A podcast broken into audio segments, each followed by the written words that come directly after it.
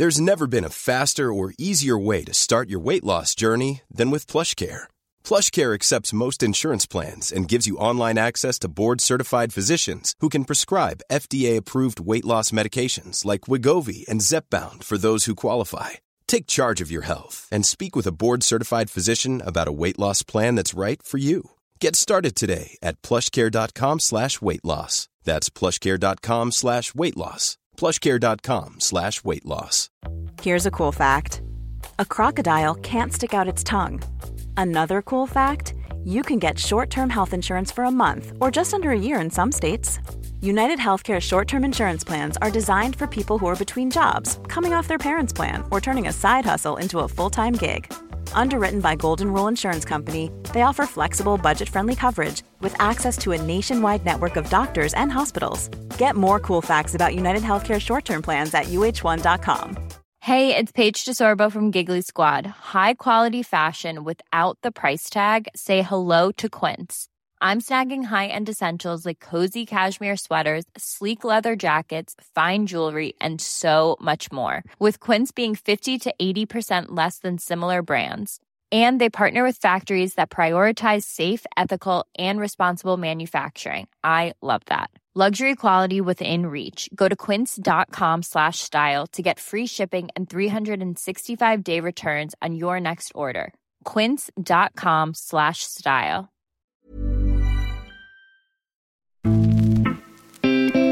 Oliver Berg ska ta ett tredje avslut. Och nu får han chansen Oliver Berg och nu är han mål! Titta! Inget spelmål i Djurgården, men i första matchen i Allsvenskan för nya klubben MFF så får han göra ett direkt! Det är alltid skönt och eh, det är klart det har varit speciella dagar, mycket fokus på annat, men eh, jag har fått en fantastisk välkomna här av eh, alla i, i Malmö och det, det har varit roligt att komma igång och det är fint att få den starten. Det har nu gått mer än en månad sedan norrmannen Oliver Berg gjorde den känsliga flytten till Malmö FF från Djurgården. En klubb som han lämnade efter bara en halv säsong. I podden berättar han bland annat om känslorna som föranledde flytten, om han verkligen passade in i Djurgården eller ej, om återföreningen med den tidigare Kalmar-tränaren Henrik Rydström. Vi älskar vardagen med att jobba på fältet ehm, och sättet man spelar fotboll på. Man vill liksom gå från steg till steg på plan. Eh, alltså ja, mellan mittfält och så offensiv mittfält och så genombrott därifrån och kanske inte... Ja, ja, det är bara ett spelsätt som jag tycker om och det, det klaffar bara rätt och slätt. Hårt att sätta liksom, fingern på exakt. Och vi pratar om hur tankarna gick när han inför säsongen valde bort Malmö FF för att istället skriva på för Djurgården. Men även vad det var som hände på det där tåget efter förlusten i Göteborg och vad det var som gjorde att det inte fungerade under vårsäsongen i Djurgården. Man känner ju att det inte är 100 procent och det, ja, det går lite knackigt och man eh, måste kämpa för egentligen allt. Eh, få lite betalt i slutändan. Eh, sen kan man inte gå och hoppas på att ting blir annorlunda eller att Malmö kommer och knackar på dörren och vill köpa en. Liksom det var ju, det var ju inte i mina banor eh, egentligen helt till sista slutet. Och så talar vi om att Berg inte riktigt passade in i den norska fotbollen. Om hur den krokiga vägen mot toppen med gästspel i både Dalkurd och Sundsvall och påverkat synen på karriären och att man aldrig kan ta saker för givna. Om man jämför med som man har idag då, jämfört med det jag hade i Dalkurd så ska man ju vara ganska tacksam för alla, alla möjligheter, alla ja, preparat jag kan bruka till att återhämta mig, mat, eh, så många fysos vi har här. Liksom det, man får helt andra förutsättningar så man blir, eh, jag tror man blir tacksam för det man eh, har och ja, kan vara nöjd med ganska lite. Podden är naturligtvis mycket mer än så här. Vi pratar om Malmö FFs guldjakt och att hålla koll på rivalerna. Om att kolla igenom sina träningspass och tankarna på en framtida tränarkarriär. Om hur det var att lämna Kalmar FF efter två succéartade år och förhoppningarna om ett varmt välkomnande från Kalmar-supportrarna på Guldfågeln Arena. Men som vanligt börjar vi podden med en faktaruta.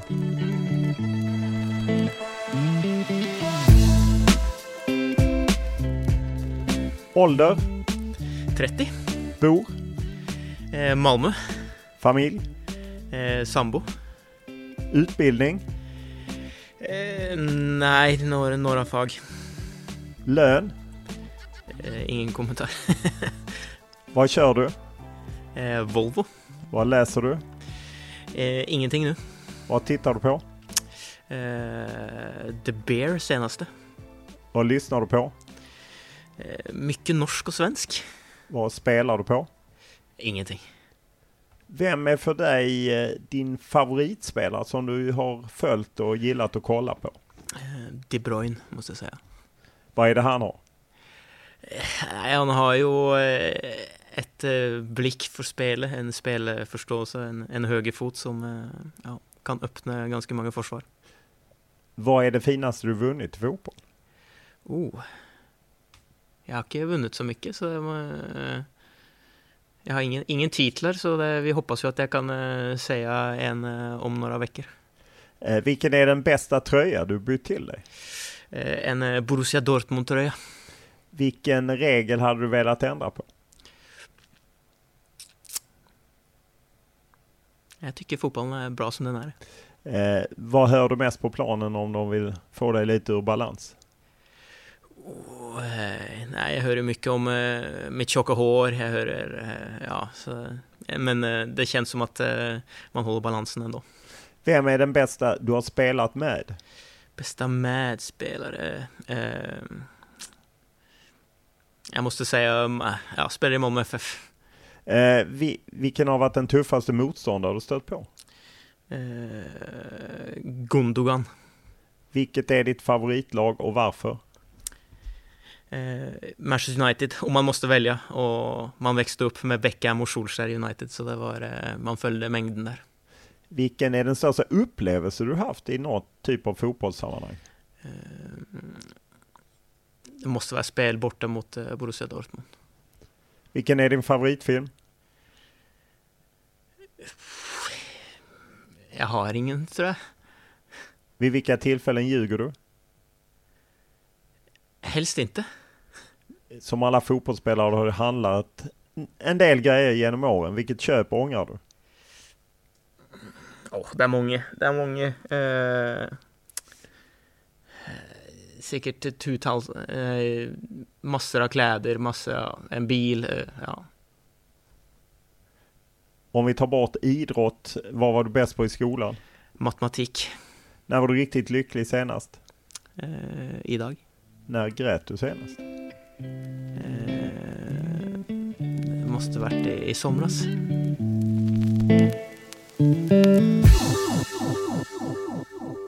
Vi eh, sitter ju här eh, på Leda stadion, heter det väl numera, eh, i Malmö och du Oliver Berg har varit här ett tag. Hur är känslan nu när du har kommit in i det lite mer? Eh, jättebra måste jag säga. Det, mm, jag har sagt att jag, det känns som att jag har varit här mycket längre än det jag har varit och det, det tror jag är med på liksom att och, och visa liksom hur, hur bra jag har haft det och har blivit mottagen med öppna armar av alla i laget och, och runt laget så det har, varit, det har varit en rolig början. Hur är det att eh, byta Stockholm mot Malmö rent passa in i, i livet? Eller bor du söder om stan som nästan alla gör?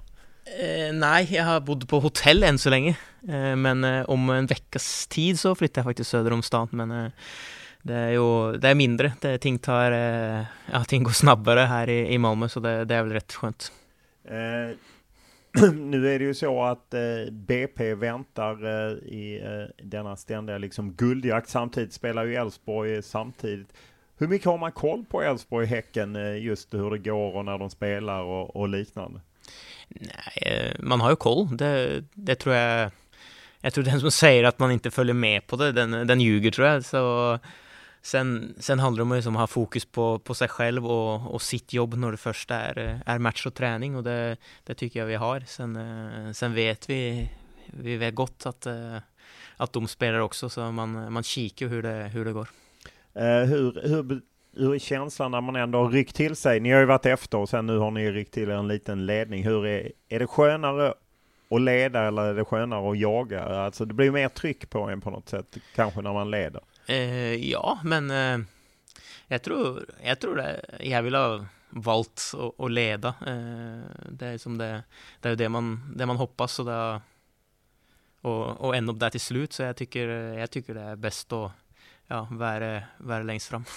Det är ju en vecka där ni först tar emot BP där alla förväntar sig att ni ska vinna. Hur är det att gå in till en sån match?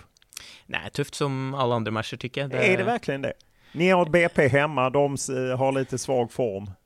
Jo, ja, det, jeg, jeg fatter jo det, men uh, samtidig som det vi holder med hver dag liksom det, Vi går jo ikke inn og tror at det her skal bli en walkover. Det liksom, vi måste ta dem seriøst og se hva de, hva de holder på med, og, og hva slags metoder og, og hvordan de presser og alt så. Sen uh, vet jo vi at det er, uh, om vi gjør vårt, vårt jobb 100 og ikke er slarvige, så har vi veldig gode forutsetninger for å vinne matchen. Eh, sedan väntar Kalmar borta. Hur speciell är den matchen för dig? Nej, den blir kul. Det, jag hade två, två fantastiska år där och det, det ska bli kul att komma tillbaka till eh, Guldfågeln och hälsa på gamla känte. Ja, vilka relationer har du kvar? Eh, nej, det är rätt många. Det är, det är väl tre, fyra spelare jag har eh, kontakt med, ja, ganska hyppig vill jag säga. Sen eh, ja, hade jag en bra relation med alla i, alltså runt laget, så liksom det det ska bli väldigt, väldigt trevligt att se, se dem in. Finns det något, tror du att de bara är tacksamma att du liksom flyttade och de tog in rätt mycket pengar efter du hade gjort det bra där under ett par säsonger? Eller tror du det finns en liten besvikelse att du inte stannar?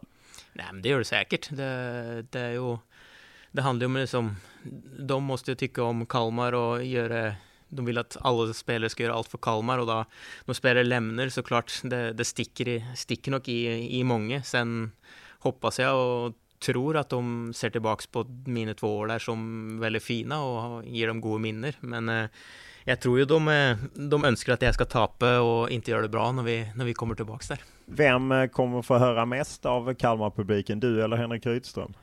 Jag tror väl det är Henke. Har han förtjänat det?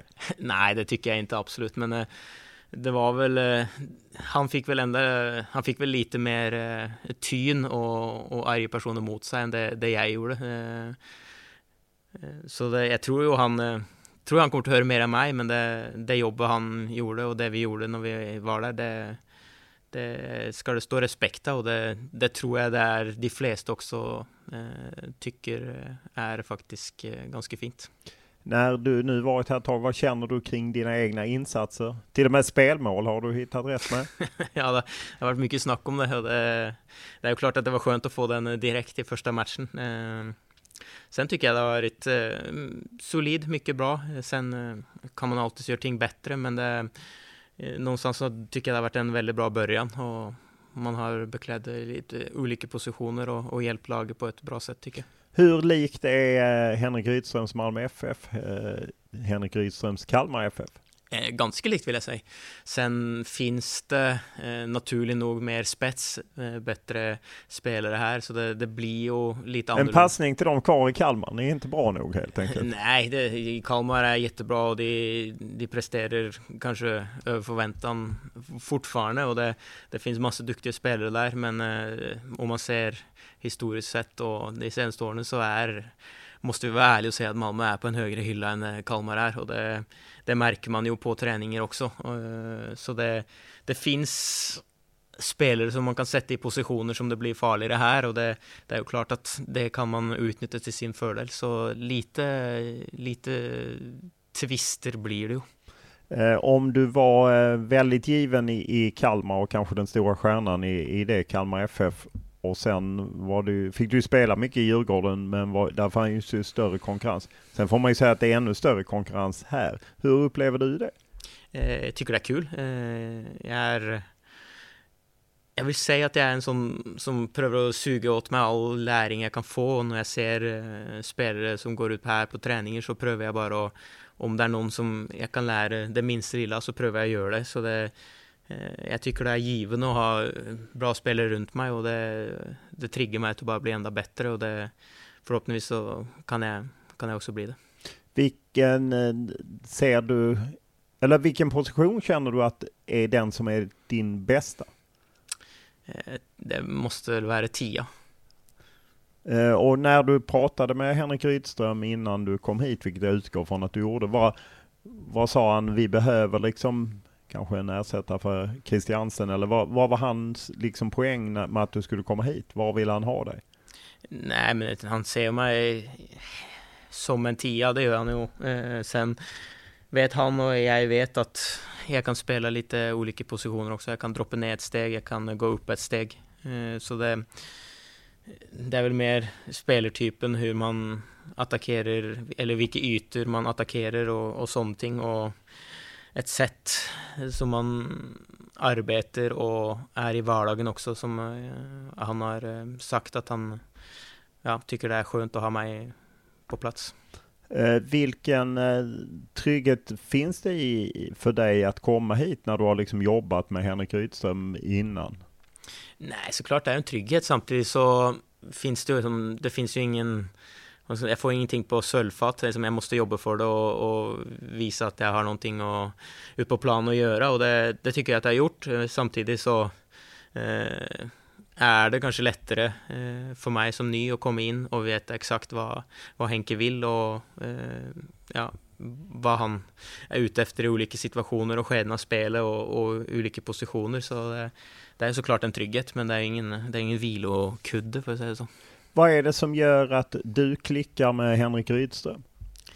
Nej, det är en svår eh, fråga. Det, det är bara, jag tror det är totalpaketet, hur vi arbetssättet och arbetsmoralen vi lägger ner varje dag. Eh, hur vi vill liksom, att ting ska se ut. Eh, vi älskar vardagen med att jobba på fältet. Eh, och sättet man spelar fotboll på. Man vill liksom, gå från steg till steg på plan. Eh, alltså ja, mellan mittfält och så offensiv mittfält och så genombrott därifrån och kanske inte ja, ja, det är bara ett spelsätt som jag tycker om och det, bara, det, det klaffar bara rätt och slätt. Svårt att sätta liksom, fingern på exakt.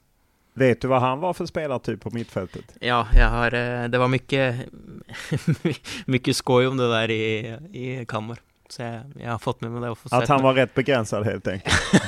det var din ord. ja, och det tror jag han skulle skriva under på också. Eh, hur, hur mycket pratar ni fotboll? Du och Henrik och, och så? Är du lika nördig som han? Eh, det vet jag inte. Jag prövar att vara så nördig jag kan utifrån eh, liksom, min position och vad jag kan göra bättre. Sen eh, tror jag och Henke måste vara mycket mer allround och se ett större bild än det, det jag gör. Men jag, också, jag prövar också lära så mycket som möjligt av honom som, som typ tränare, om jag vill bli det sen. Liksom det, det är en extremt duktig tränare så det, man kan ja, man kan lära extremt mycket om man vill eh, gå den vägen eh, en vacker dag också. Är det det du är sugen på att bli tränare? Om, om jag hade fått val nu så hade jag sagt ja. Sen eh, vill jag spela i sju, åtta år till och kanske man blir trött, trött på det här livet. Men det, det får vi se. Men just nu så tycker jag det är för roligt att, att sluta. Vad är det också som fascinerar dig, som jag ändå inbillar mig med Henrik Rydström, han är ju också fascinerad kring eh, fotboll och vad man kan få ut av det. Vad är det där som fascinerar dig? Det är ett lagspel. Jeg, jag, er är avhängig av mina medspelare för att jag ska vara bra och jag är en, jeg er vel en typisk kombinasjonsspiller kombinationsspelare som måste ha, eh, ska man säga, hjälp i gåseøynene av andra för att vara bra. Eh, så det är, er noen ting någonting som triggar mig att om man har ett bra fellesskap, et bra, et bra lag så slår det så mycket hårdare än uh, duktiga. Så det er som det är någonting där som fascinerar mig väldigt mycket. Du har ju spelat i, länge i Norge innan du sen kom till svensk fotboll. Har du alltid varit lika intresserad? Eh, ja, men det var först när jag kom till Sverige och fick lite olika tränare jag verkligen eh, fick ögonen upp för liksom, fotboll som ja, från ett tränarperspektiv. Eh, och jag gissar att alla i omklädningsrummet är inte lika intresserade av fotboll som du och Henrik. Det finns säkert grader där. Hur, hur är det liksom att, att vissa kanske inte är så intresserade av att prata om eh, den typen av växlingar medan kanske någon annan en är men eh, de mm. flesta vill kanske dra hem eller dra och fika eller spela Playstation. ja men det, det, tror jag är nyttigt. Liksom om alla hade varit lika intressanta så tror jag inte det hade varit lika bra det heller. Det var som jag var inne på med liksom, att bygga ett lag. Det, det behövs olika kvaliteter och olika ja, egenskaper och det är ju klart att det som funkar för mig funkar inte för alla andra och det, det tror jag är nyttigt. Eh, vad betyder det att eh, du spelar ju ett halvår med Sebastian Nasi som gör det otroligt bra här? Vad betyder det att han finns i laget? Nej, men det betyder mycket. Vi hade en eh, extremt bra relation i Kalmar och det är ju klart att jag känner, jag känner Sebbe både på och utanför plan, men liksom han, han vet också vad jag vill eh, där ute och det, det, det gynnar ju oss. Eh, om man ser till omklädningsrummet i Malmö så är det ju många som har varit ute, äldre spelare, stor erfarenhet, Martin Olsson, Pontus Jansson så. Hur, hur är det att smälta in i ett sånt omklädningsrum? Nej, det har gått överraskande bra. Det, jag måste ju berömma grabbarna i laget. De som har varit fantastiskt mottagna och det är eh, extremt bra killar.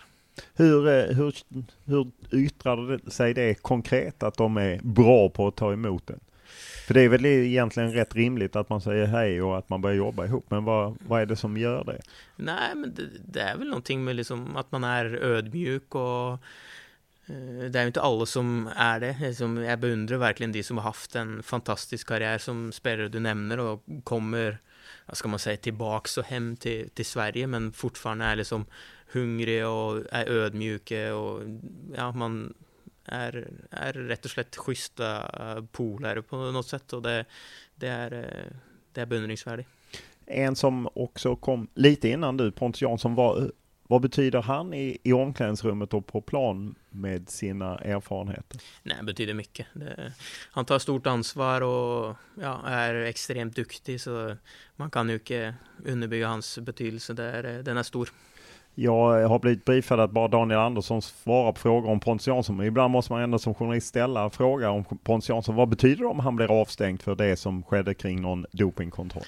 Den situationen får Daniel svara på, men det är klart att eh, vi måste lösa situationen på plan på bäst möjligt sätt om, det, om vi måste klara oss utan honom. Men det, det, ska vi, det ska vi se på när det eventuellt blir klart. Skapar det någon liksom revanschlust att visa de som styr att Ja, någonstans så måste som ting är som det är och om det, vi, vi blir drabbade av något sånt nu så får vi, får vi som får starta matchen ja, visa att det, det är ett lag i Malmö och inte bara enkelspelare. Så det, vi ska nog lösa det på bäst möjligt sätt.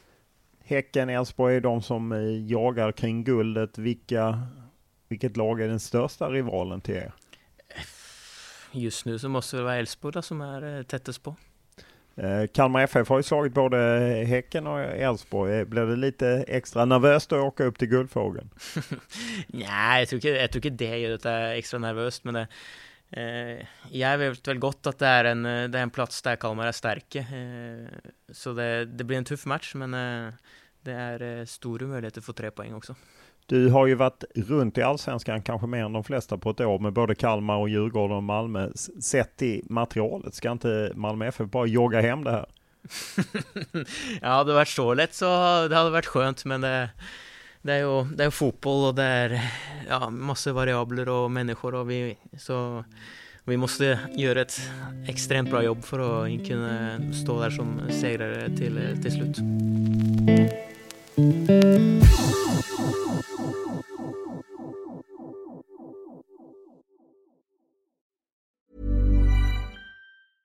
Ready to pop the question? The jewelers at BlueNile.com have got sparkle down to a science with beautiful lab grown diamonds worthy of your most brilliant moments. Their lab grown diamonds are independently graded and guaranteed identical to natural diamonds, and they're ready to ship to your door. Go to Bluenile.com and use promo code LISTEN to get $50 off your purchase of $500 or more. That's code LISTEN at Bluenile.com for $50 off. Bluenile.com code LISTEN. Quality sleep is essential. That's why the Sleep Number Smart Bed is designed for your ever evolving sleep needs. Need a bed that's firmer or softer on either side? Helps you sleep at a comfortable temperature? Sleep Number Smart Beds let you individualize your comfort so you sleep better together. JD Power ranks Sleep Number number 1 in customer satisfaction with mattresses purchased in-store. And now, save 50% on the Sleep Number limited edition Smart Bed for a limited time. For JD Power 2023 award information, visit jdpower.com/awards. Only at a Sleep Number store or sleepnumber.com. One size fits all seemed like a good idea for clothes Nice dress. Uh, it's a it's a t-shirt. until you tried it on. Same goes for your healthcare. That's why United Healthcare offers a variety of flexible, budget friendly coverage for medical, vision, dental, and more. So, whether you're between jobs, coming off a parent's plan, or even missed open enrollment, you can find the plan that fits you best. Find out more about United Healthcare coverage at uh1.com. That's uh1.com. Eh, Djurgården har vist eh, stor intresse för eh, mig, mina, mina kvaliteter som spelare och kanske som eh, mänskliga kvaliteter. ledaregenskaper. Sen när jag jeg har hit, helst på alla i och runt föreningen, så har jag bara fått positiva känslor och det verkar som en eh, grymt ställe. Jag har bara positiva ting att säga om mina första timmar här i Djurgården, och det, det ska bli extremt kul att ta fatt på den här uppgiften. När jag intervjuade Henrik Rydström eh, exakt här eh, i våras så beklagade han att han inte hade fått hit dig här och så sa han, eh, som jag vet har cirkulerat lite, att du hade passat bättre här än i, i Djurgården. På något sätt fick han ju rätt. När fattade du att du inte passade in i Djurgården fullt ut? Det tror jag var en Det var en snikande tanke som kom eh, Kom i början på säsongen. Sen eh, blev ble, det så att man fick möjligheten att komma hit, och liksom då, då tyckte jag det var ett ganska enkelt val med hur det hade sett ut i ett halvår, och det, det är man rätt tacksam för. Hur överraskad blev du att det faktiskt blev ett köp? Att Malmö kunde köpa loss från ändå en toppkonkurrent, eh, köpa loss dig? Eh, man hade ju inte, Man vågade ju inte tänka tanken på när det började att rulla, men ehm, ja, när vi åkte ut i Europa där från Djurgården, så hade man kanske ett litet hopp att det kunde, kunde gå igenom och det Ja, ingen är väl gladare än det jag är, som eh, fick möjligheten att komma hit. Vem eh, gick du in och pratade med? Pratade du med Kim Bergstrand, Thomas Lagerlöf eller gick du in till Bosse Andersson och sa att det här måste du lösa? Nei, det var vel min agent som tok eh, snakket med, med Bosse. Eh, när man värvas hit då, det var i samband med Djurgården, rätt hög prislapp ändå för att vara eh, svensk fotboll att man köper. Jag menar, hur, vilket tryck känner du kring en sån prislapp? Nei, jeg, for å være ærlig så har jeg faktisk ikke tenkt på det så, så mye. Det som Inte alls? Eh, nej, det, inte just nu. Så nu så, efter jag kom hit så har jag bara njutit av att kunna spela lite, ja, fotbollen som jag tycker om och, och njuter av egentligen att vara i en sån, sånt miljö, en sån grupp. Och sen vet jag att det är, är ja, ett högt press, men eh, någonstans så måste man kunna leva med det också. Det, är- det är ett högt press som kommer innanför mig själv också. Så det, just nu så har jag bara ja, njutit av situationen och ja, förhoppningsvis så kan jag fortsätta att prestera också. Hur var det att sitta här på bänken i Djurgården tror jag, när du visste att det skulle bli av och på något sätt skulle ni, spelade ni upp någon slags charad eh, verkar det ju som eftersom eh, ja, det verkar ändå ha funnits mer kontakt än vad man låtsades just den söndagen. Ja, det, det, det måste man kanske innrømme. Sen, sen eh, jeg fikk ikke så mye valg. Jeg, jeg var tvungen å gjøre som jeg, jeg ble sagt til, og det Sitt på bänken och Ja, så det Men det, det var spesielt. Men det, det jeg tykker var eh, Ja, det verste var å ikke kunne være åpen og ærlig mot eh, mine lagkompiser eh, som jeg hadde i Djurgården. Og det, det er jo klart at den, den tykte jeg ikke var så rolig, men eh, När du fick gliringar som du själv sagt, eh, sa du ingenting då? Det var inte så att du sa ah, det kommer bli så att jag flyttar, utan du höll helt tyst. Ja, sen eh, var det jo några av grabbarna som ja, kanskje forsto förstod hva, vart det bar en, men det var eh, Jeg att inte säga för mycket. Sen eh, ja, tror jag det var många som fattade att det, det kom att bli, bli som det blev. Vad, eh, om man ser till när du satt där på bänken, så dagarna innan, jag menar din lägenhet som var ute till salu cirkulerade på sociala medier, hur, hur är det? Det var inte min. Var det inte din? Det var Nej. rent påhitt. Och hur är det då, att det blir rent påhitt, sådana saker som cirkulerar? det, det var egentligen mest roligt att jag, jag fick ju många kompisar som undrade liksom, är det, säljer du lägenheten din och sånt? Men det var faktiskt, eh, det var grann, vägg i vägg som eh, sålde så hade de bara sökt upp att jag bor på samma adress och så blev det, ja, en grej. Så det, hur, hur är det att vara i liksom stormens öga? För jag menar, du vet ju vad som händer, men runt omkring som du är, det är ju ja, både plus och minus med fotboll. Att det engagerar många människor, det är starka känslor och så. Hur är det att, att vara i stormens öga?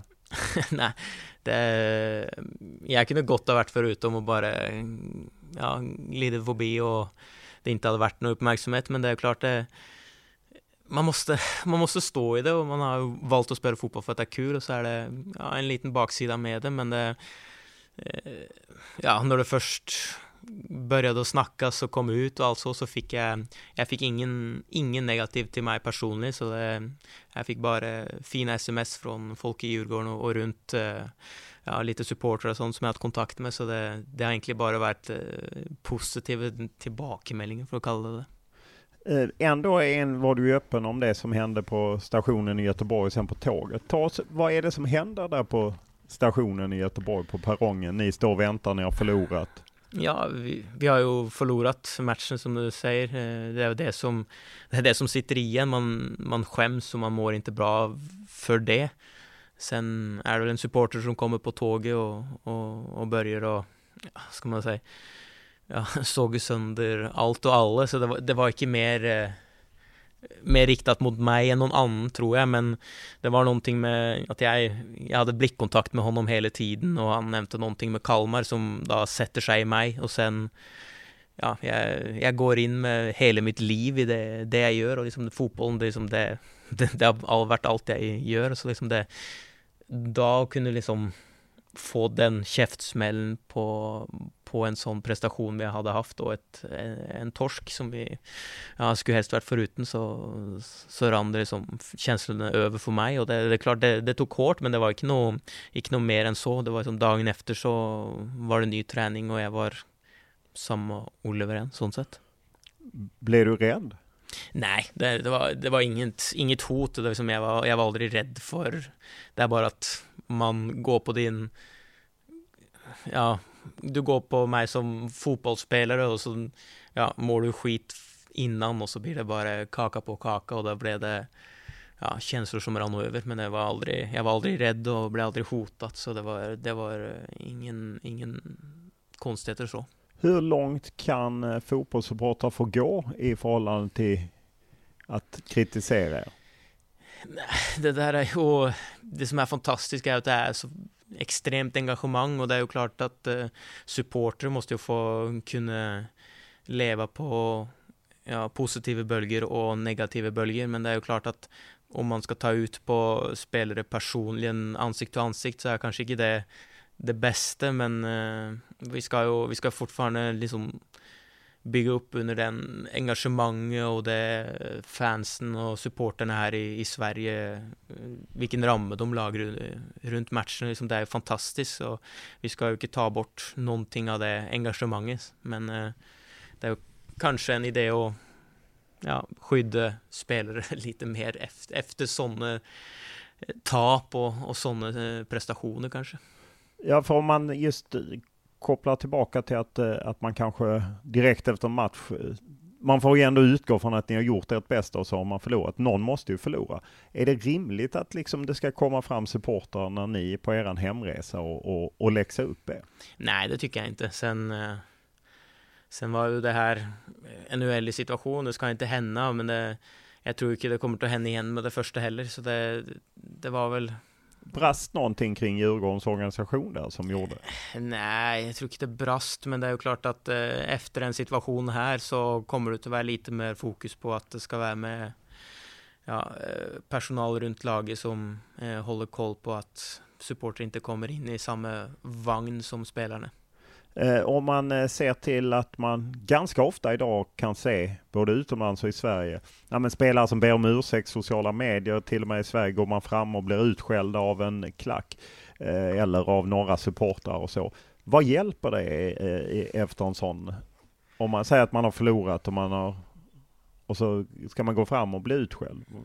Ja, jag, tror inte, mm, jag tror inte det hjälper spelare så mycket att bli, bli utskälld, men det, det visar väl kanske Ja, om det är med att visa supportrar lite respekt, jag vet inte, så de får bara kasta av sig lite eh, arga känslor och så, så om det hjälper så, så får man kanske brösta den, men det är, liksom, det är ju inte något eh, spelare tycker är kul eller roligt. Nej, vad absolut... säger när ni vänder tillbaka i omklädningsrummet? Vad säger ni till varandra efter man har stått och fått sig en omgång?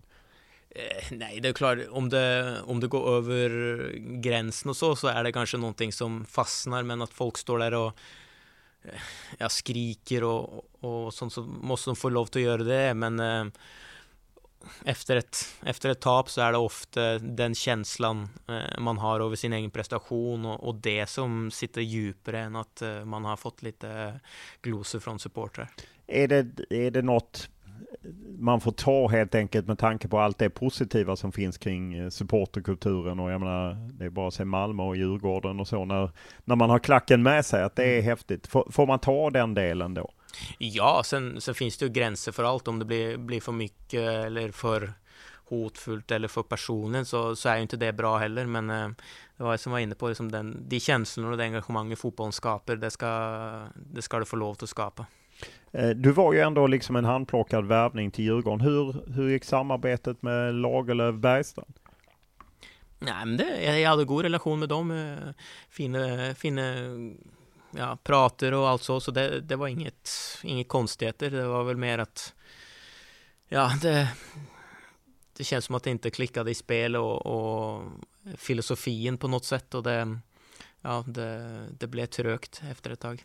Eh, du lika mycket fotboll, nördig fotboll som du gör med Henrik Rydström med dem? Jag snackade lite, men eh, jag måste ju säga att relationen med Henke är speciell och det efter de två åren jag hade i Kalmar så eh, jag tror inte det är någon tränare jag kommer att snacka lika mycket med som Henke. Så det, som, det, var, det är orättvist mot dem och det var jämföra det med min relation med Henke. Men eh, det var, det var mycket snack där också. Eh, om man ser till när man är i Djurgården, man är ditvärvad, det är väl ungefär som man byter jobb och så känner man efter ett tag, fan är det här rätt? Hur, hur, hur är den känslan? Nej, det, eh, du höll inne på det. Den var... Eh, någonstans så måste man göra bästa situationen. Man, eh, man känner ju att det inte är 100% och det, ja, det går lite knackigt och man eh, måste kämpa för egentligen allt. Eh, få lite betalt i slutändan. Eh, sen kan man inte gå och hoppas på att ting blir annorlunda eller att Malmö kommer och knackar på dörren och vill köpa en. Liksom det var ju, det var ju inte mina banor eh, egentligen helt till sista slutet. Eh, så man måste ju bara ja, brätta upp ärmen och, och fortsätta jobba. Sen eh, hade jag så tur att den här möjligheten dök upp och då, då var det lätt att hoppa på. Det blev ju bra drag kring Viktor Edvardsen när han uttalade sig om hur hur du smält in eller inte smält in. Hur upplevde du det? Eh, nej, jag blev, jag blev faktiskt lite överraskad när han, eh, när han eh, sa det i, i media, men... Eh, Varför? Att han sa det i media, var det det som överraskade honom eller var det innehållet? Eh, det var mer, mer innehållet med tanke på eh, att han brukar mig som en liten eh, ursäkt på någonting. Jag, jag tror inte han menar det på sånt sätt, för jag hade ingen upplevelse att någon var ja, hade något ont att säga om mig eller jag hade ingen, ingen dålig relation med någon i Djurgården. Så, det, så sånt sätt så tyckte jag det var lite konstigt. Och, att ja, han skilde lite på dig helt enkelt? Att... Ja, men jag, jag, tror inte det var hans budskap heller. Så jag... Fast samtidigt var det ju rätt tydligt att det var, han var ju tydlig med att tränarna hade satsat på dig och att det hade ja, gått ut på de andra. Ja, och så, så är det ju i, i, i fotboll som det är. Och någon måste spela, och någon måste sitta på bänken. Men det, men var det så att du kände att du var utfrusen av en del andra i Djurgården? Nej, absolut inte. Som, som jag varit inne på, jag hade, det var ingen, ingen jag hade dålig relation med och det, det var många jag fick många goda vänner där, så liksom det, jag, jag känner inte igen mig i det där, så det, det är lite konstigt. Fick du alltid passningar eh, när du ville och liknande? nej, nej, men det, det går med på sättet man spelar. Eh, man kan säga här att man vill in i mellanytor och, och kombinera centralt. Det var, eh, det var det mindre i, i Djurgården, så det är väl heller det det det beror på än eh, kemin bland oss. Men det var ju ändå rätt mycket kring lagkaptenen Magnus Eriksson som inte spelade lika mycket och på något sätt var det ju lite det Viktor Edvardsen var inne på att han hade hamnat lite i kläm. Kände du inte av det alls? Att, uh... Nej, så jag, jag och många hade en fin, fin relation så det, det må, då måste du fråga han om han hade något problem med det och såklart eh, om man blir, blir satt på bänken, det är ju klart att ingen, ingen fotbollsspelare gillar det och det, det är klart att det skapar ju frustration, men jag tror, jag tror inte det går ut över de andra spelarna. Jag tror det är heller mo riktat mot eh, tränare och de som faktiskt bestämmer vem som är där, där ute. Har du haft någon kontakt med Viktor Edvardsson efter hans intervju? Nej, det har jag inte haft. Men uh, det, kan jag, det kan jag gärna ha. Jag, jag har inga problem med Viktor. Nej, jag tänkte mer bara att du ville höra vad han menade. Liksom. Nej, nej, det, det får... Ja, det han, det han pratar om i media får han stå för och det är som det, jag, som sagt, jag tror inte helt han mente det som det kanske framstår, men det... Den gång eh, du ska vända tillbaka med Malmö FF till Djurgården och Tele2, hur tänker du kring det? Nej, jag ser fram emot det. Jag tror det blir, jag tror det blir kul. kul, alltså för inramningen? Ja, alltså jag tror det kan bli, det kan bli, det blir säkert hetsigt och, och, och mycket, mycket tryck, men det, det, det gillar man så det, det, ska, det, ska, det ska man ta, ta emot. Om vi hoppar tillbaka en 13-14 år eh, när du är i Raufoss i, i Norge, vad, vad är du för en spelare då som tar dig framåt i, i den norska fotbollen? Eh, då är jag ganska lik som jag är, är eh, idag vill jag säga. Då spelade jag tia för det mesta, gjorde mycket poäng. Sen fick jag jag fick ju en fäl fotledsskada som gjorde att jag blev kvar kanske lite längre än det jag borde. Men det var ganska lik som det är nu vill jag säga. Min bild, kanske en fördom, är att norsk fotboll kanske inte var så öppen för en så eh, spelare som du är idag, eller hur var det? Nej, men jag tror jag är inne på någonting. Det, jag kom till eh, Odd i högsta ligan och det var väldigt, vad ska man kalla det, powerfotboll 4-3-3. Skulle bara box till box, sprang ju ja, extremt mycket varje match. Hade och typ ingen energi kvar när man skulle attackera och, och ha bollen själv. Så det, eh, jag tror ju någonstans så är Eh, norsk fotboll är väldigt mycket fram och tillbaks. Eh, middels högt tempo hela tiden, men här är det kanske lite mer fokus på ja, vilka ytor man ska attackera, eh, taktiska eh, ting, lite lägre tempo för sen att växla. Jag tror jag tror den svenska ja, allsvenskan passar mig mycket bättre än det elitserien gör. Samtidigt så i Sverige så pratar man ju, sneglar man ju dels på Danmark, dels på Norge att, att de tar kliv och jag menar ett par norrmän i Premier League som gör det väldigt bra och så. Var, är det någonting som liksom man hade kunnat låna till svensk fotboll från norsk eller du vill inte ha något av det norska hit?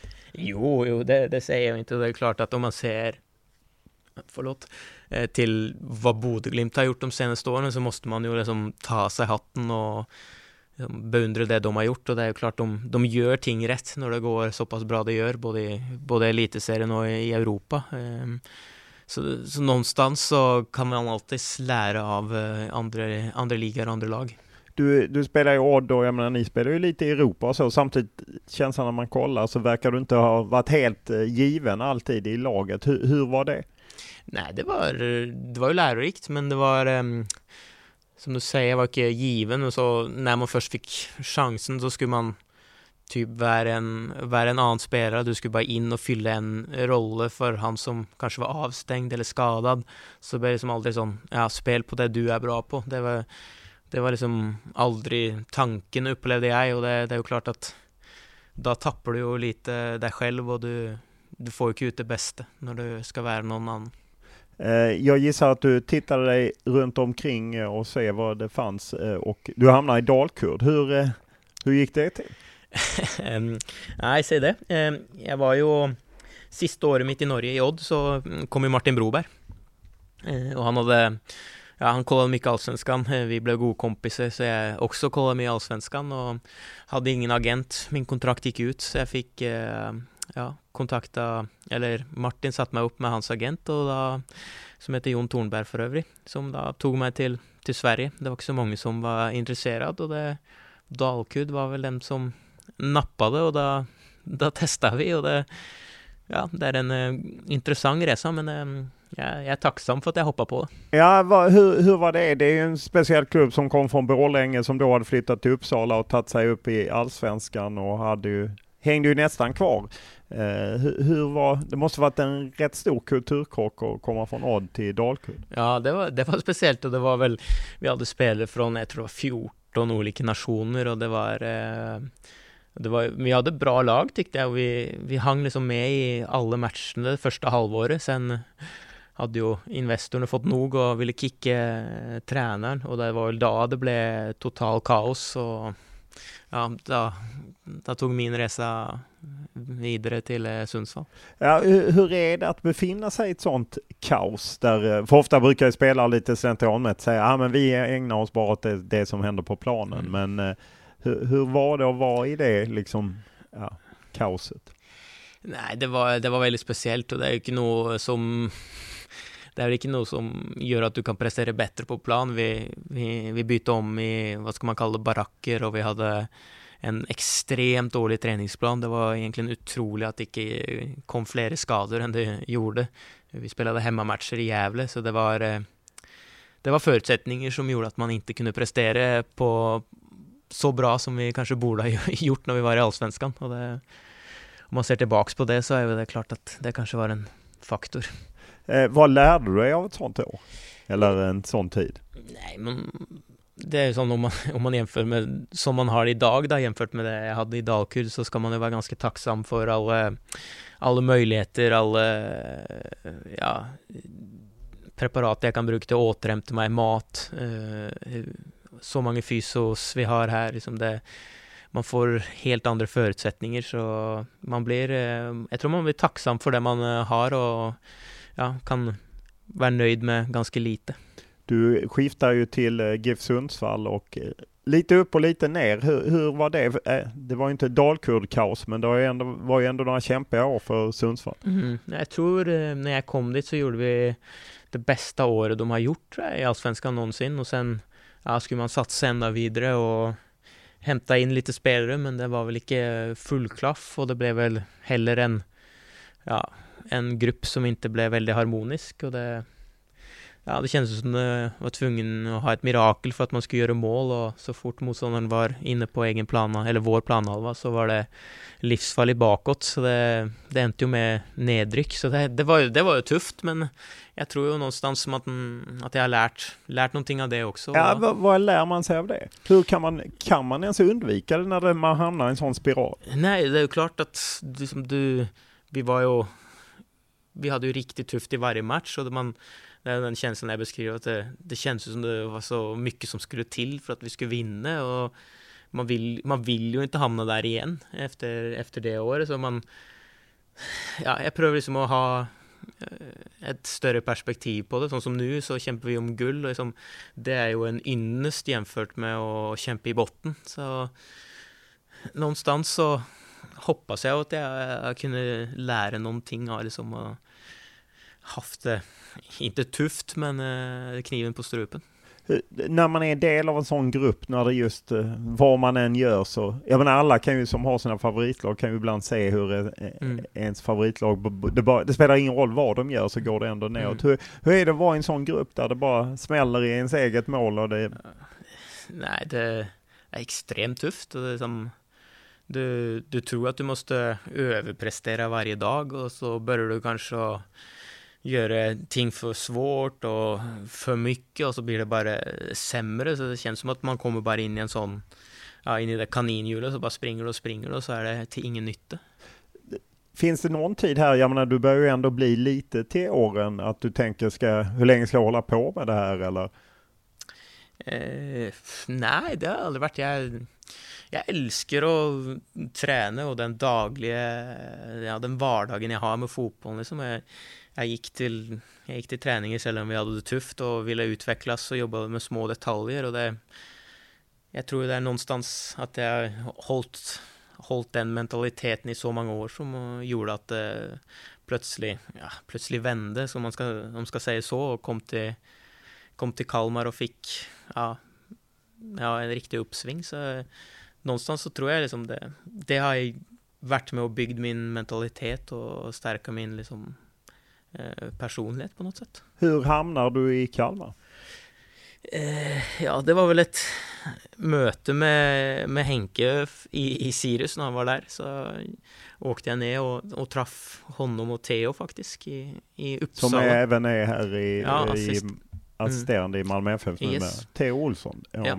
Stämmer. Eh, träffade jag dem eh, och tanken var ju till att gå till Sirius. Eh, sen, ja, när Henke då lämnar och då var väl lite oklart vad man skulle göra. Sen eh, ja, fick man en dialog med, med Henke och sa att man kanske skulle hålla lite, ja, ha lite is i magen och, och vänta på att han kanske fixar ett nytt jobb. Och det, det är jag glad för att han, för han gjorde.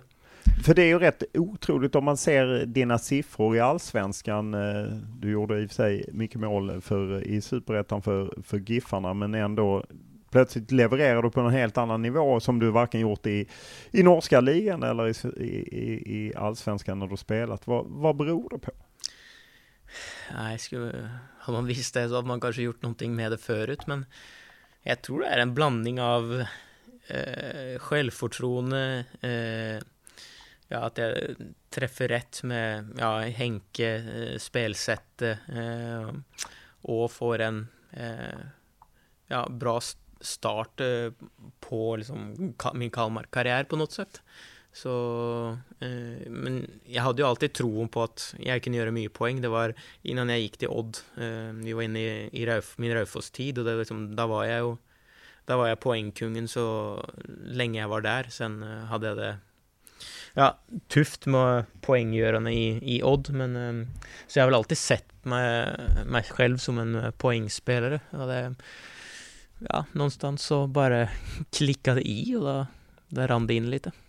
Eh, under tiden i Kalmar när du gör det så bra, hur mycket förfrågningar får du utifrån? Eh, några fick jag, men det var inte allt för mycket. Vad gjorde att du inte gick dit? Var det Kalmar som inte ville släppa dig eller var det du som inte ville? Eh, det var väl eh, både och. Det var, eh, det var någonting som kom som inte jag tyckte var eh, attraktivt nog och sen eh, ja, var det någonting som det var bara snack om men som aldrig, aldrig blev något av och det, det är ju klart att eh, jag tror ju åldern min också hade någonting med med det att göra. Jag var inte, jag var inte purung så det skulle, skulle till en eh, stor slant för en eh, ganska gammal spelare så jag vet inte om ja, alla klubbar där utomlands tyckte det var värt det. Nej, eh, i Malmö var de ju villiga att lägga en stor slant Mm. på en äldre spelare. Vad, hur ser du liksom, du säger innan att du vill spela 7-8 år till. Hur, vad är liksom målen? För jag gissar att det är annorlunda om du hade varit som i Nanasis ålder, 21 eh, och Mm. nu är du 30 liksom. Mm. Målen, jag, jag lever lite från dag till dag. Liksom jag, jag kommer att gå hem och se, se dagens träning på video liksom och se... Gör du det efter träningen alltså? Ja. Varje gång? Ja. Herregud. Det är ambitiöst. Ja, alltså, men det är, som det, det är bara någonting jag tycker är, jag tycker är kul. Um, och liksom, det är inte, jag säger inte liksom att jag skjuter en boll i krysset, det är inte det jag ser efter. Liksom, det, är, det är hur man rör sig och hur man liksom, ja, vilka ytor, hur man positionerar sig i ytorna och, och samarbete med spelare. Liksom. Det, ja, det är också liksom för helhetsbilden av allt också, så det, jag tycker det bara är extremt kul. Det är det. Vad är det du letar efter för detaljer? Eh, när det gäller mig själv så är det hur jag, hur jag orienterar mig, när jag orienterar mig, liksom scanner, kollar axeln. Eh, det är eh, till exempel eh, hur, hur man pressar när man faktiskt går upp och pressar eller om man ska skydda skydda eventuellt backlinjen eller mittfältarna med ytan framför. Liksom det, ja, det, är, det är små ting hela tiden. Eh, om du tittar framåt, är det 7-8 år här i Malmö du vill spela eller har du någon slags avlägsen dröm att ändå komma iväg? Nej, nej jag, det, jeg tror jag är för gammal att ha, ha den drömmen. Och liksom nå, nå njuter jag av eh, uh, att spela här och så får vi se hva, vart, det, hva det tar vägen. Jag prøver å bli jeg tror ju att jag kan bli bättre varje dag oavsett hur gammal jag är. Så som, om jag blir, blir för bra så kanske, kanskje det finns möjligheter. Men det, det får vi ta den, den dagen eventuellt. Hur, hur stärkande är det att tillhöra ett lag där det finns många? Jag menar Moisander, Johan Dahlin, de är ju rätt mycket äldre än vad du och presterar ändå. Mm. Nej, man, man ser väl det i, ute i världen också, att fotbollsspelare håller länge nu och det, det är klart att det ser jag också. Då, om man är noggrann med, med sin kropp och tar hand om den så kan man förhoppningsvis ha en karriär till 38, 39 som någon är. Stort tack! Tusen tack! Podden är producerad av Jakob Nallerus och klippt av Daniel Eriksson. Och vi tar tacksamt emot synpunkter, tankar, idéer, önskemål, kritik, beröm, ja, vad det än må handla om. Enklast är alltid att mejla mig olof.lund.tv4.se eller skriva till mig på Instagram eller Twitter och då är det Olof Lund som gäller i ett ord. Stort tack för den här veckan!